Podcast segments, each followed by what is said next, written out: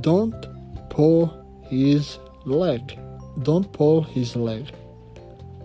Don't pull his leg.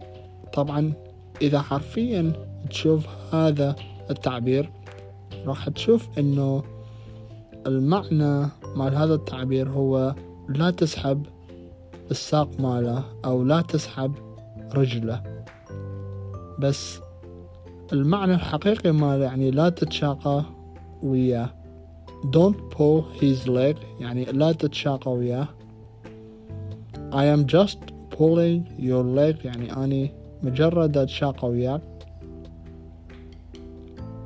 pull his leg يعني شاقة وياه I don't like it when you pull my leg